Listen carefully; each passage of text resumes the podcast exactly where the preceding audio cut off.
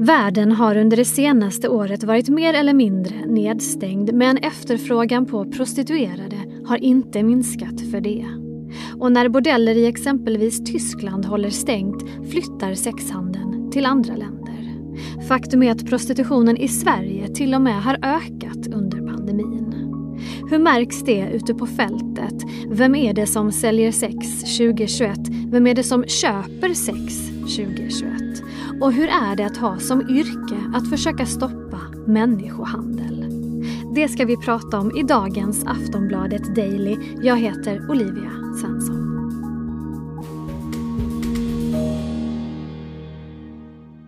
Simon Häggström är polisinspektör vid Norrmalmspolisen och specialiserad på människohandel och prostitution. Han får börja med att beskriva hur en vanlig arbetsdag ser ut. Ja, vi försöker ju vara där prostitutionen äger rum och idag har ju, har ju eh, alltså prostitutionsvärlden har ju så oerhört många arenor.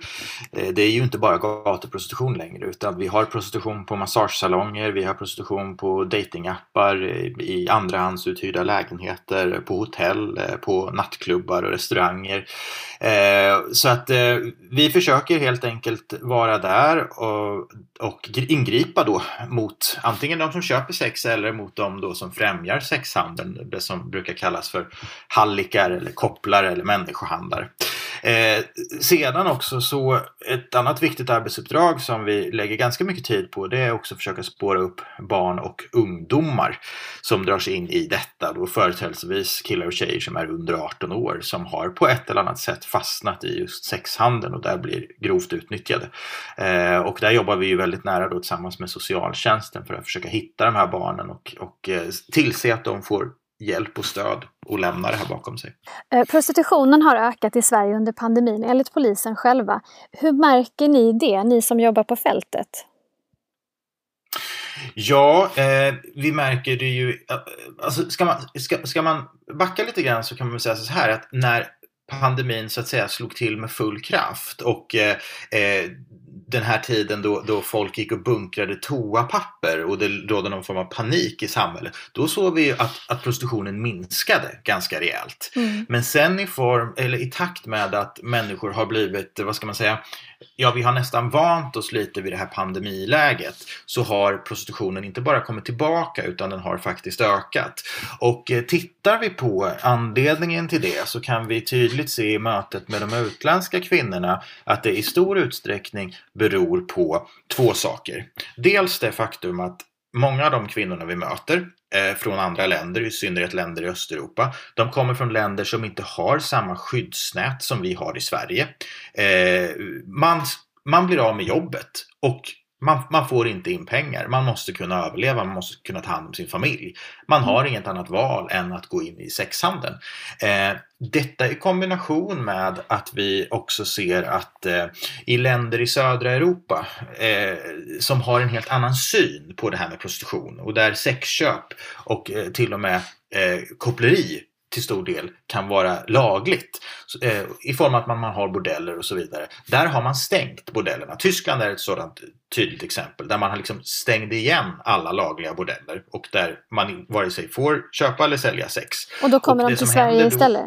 Ja, och, och då eh, normalt sett så har man ju åkt till de här länderna i södra Europa. De kriminella nätverken har eh, agerat där. Men vi kan tydligt se att många av de här kriminella Eh, elementen. De flyttar sina kvinnor då till de länderna där det fortfarande går att bedriva eh, sexhandeln. Och Sverige är ett av dem där, där liksom, så att säga, sexhandeln har inte blivit belagd med någon form av restriktioner utan den lever på samma sätt som innan, det vill säga företrädelsevis i lägenheter och på hotell. Och då kommer man hit istället. Mm.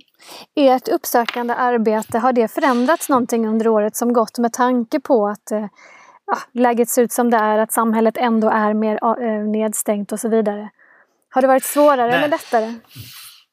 Nej, vi har väl jobbat på, eh, på mer eller mindre samma sätt skulle jag vilja påstå. Däremot så har vi ju då mött eh, eh, kvinnor som, som uppger för oss att anledningen till att de att de har tvingats in i prostitution är på grund av att de har förlorat sina jobb. Och det ska man säga att det har inte bara att göra med den utländska gruppen. Vi har även träffat en hel del så att säga unga eh, tjejer som är födda och uppvuxna i Sverige eh, som uppger att de har blivit av med sina arbeten. Och då har det i synnerhet då rört sig om, om extrajobb på, på fik eller ja, andra typer av extrajobb som man har blivit av med.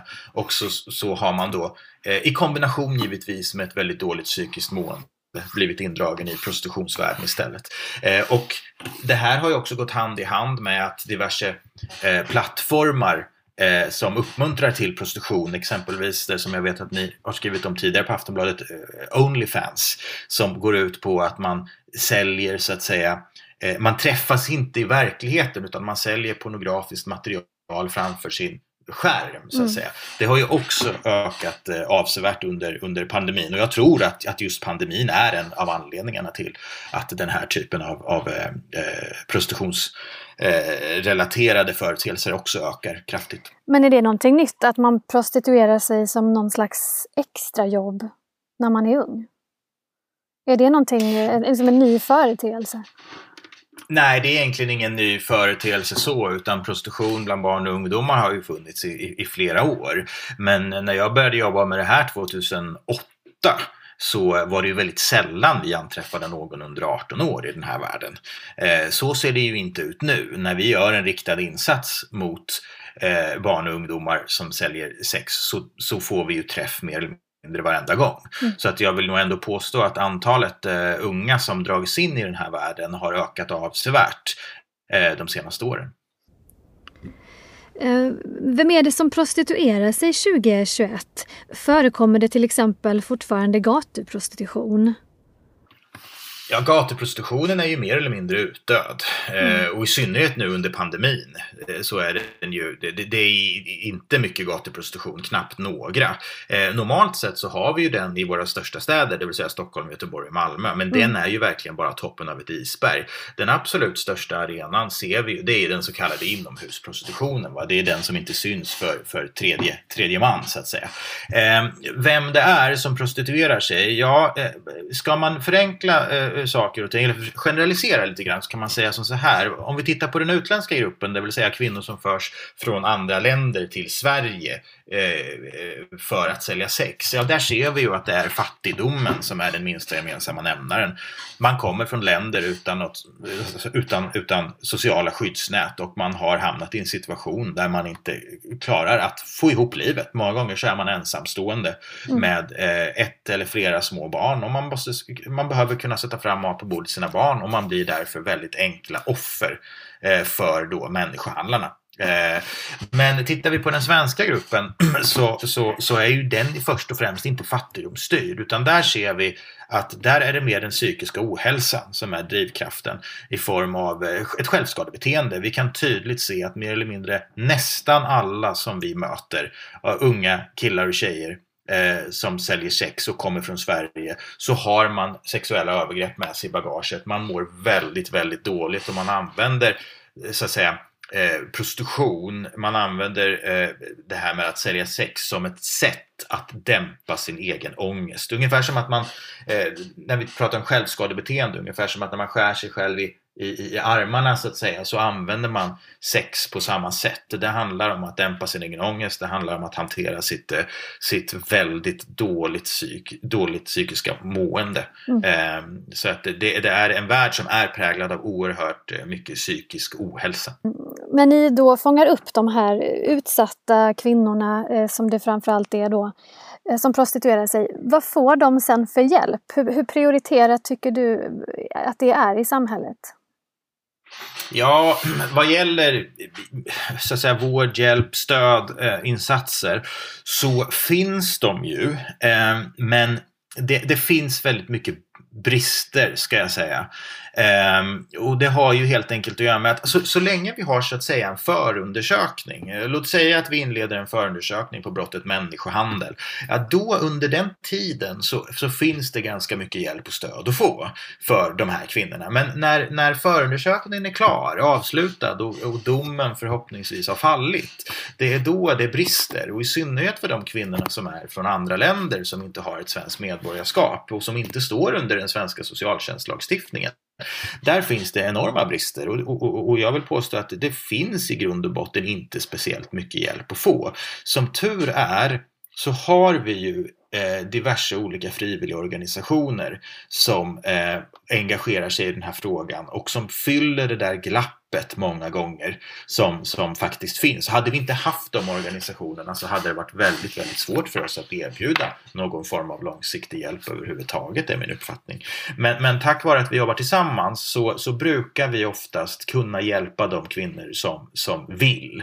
Problemet för oss är att väldigt många av de kvinnor vi möter, i synnerhet från andra länder, de, de är alldeles för rädda. Eh, mm. alltså, de vågar inte ta steget eh, att faktiskt lämna sexhandeln för att människohandlarna har diverse Eh, olika eh, typer av, av liksom, eh, hållhakar på de här kvinnorna. Va? Det kan vara alltifrån hot eh, antingen direkt mot dem eller mot familjemedlemmar. Det kan vara att man eh, hotar med att ta lilla syster istället eller att man hotar med att avslöja för familjen vad kvinnan faktiskt gör. De här kvinnorna berättar ju oftast för sina familjer där hemma att de ska åka till Sverige och jobba på restaurang exempelvis. Men då sitter människohandlarna på material, alltifrån sexannonser till filmer och annat som de hotar då med att delge mamma och pappa ifall de inte sköter sig. Så att, så att eh, de här kvinnorna är också de, de är väldigt fastcementerade i sexhandeln och också beroende av den lilla inkomst som prostitutionen genererar.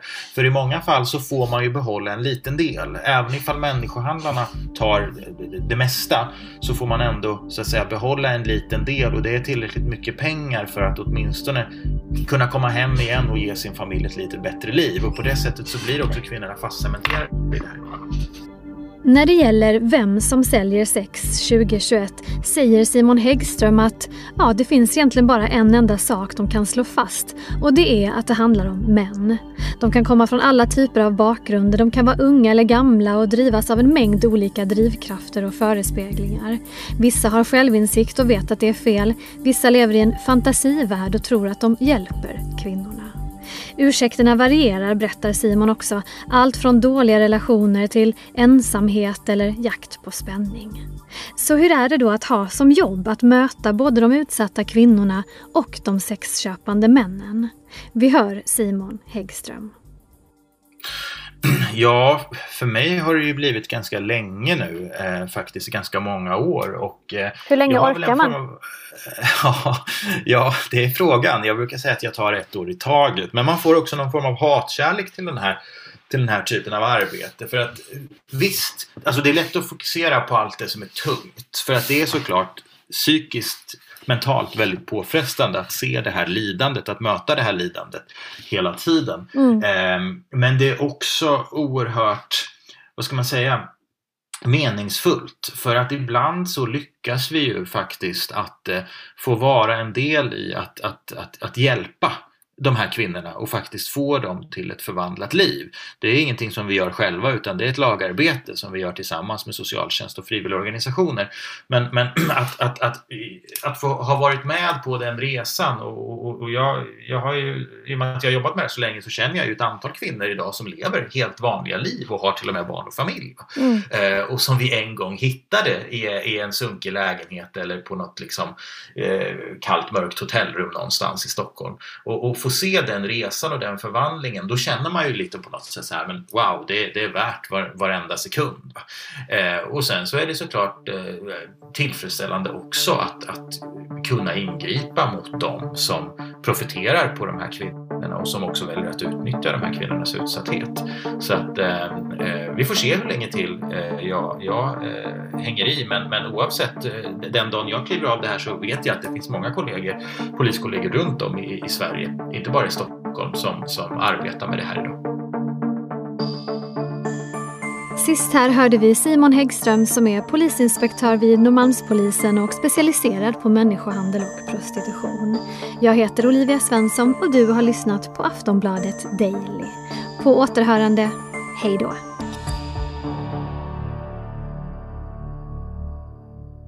Du har lyssnat på en podcast från Aftonbladet.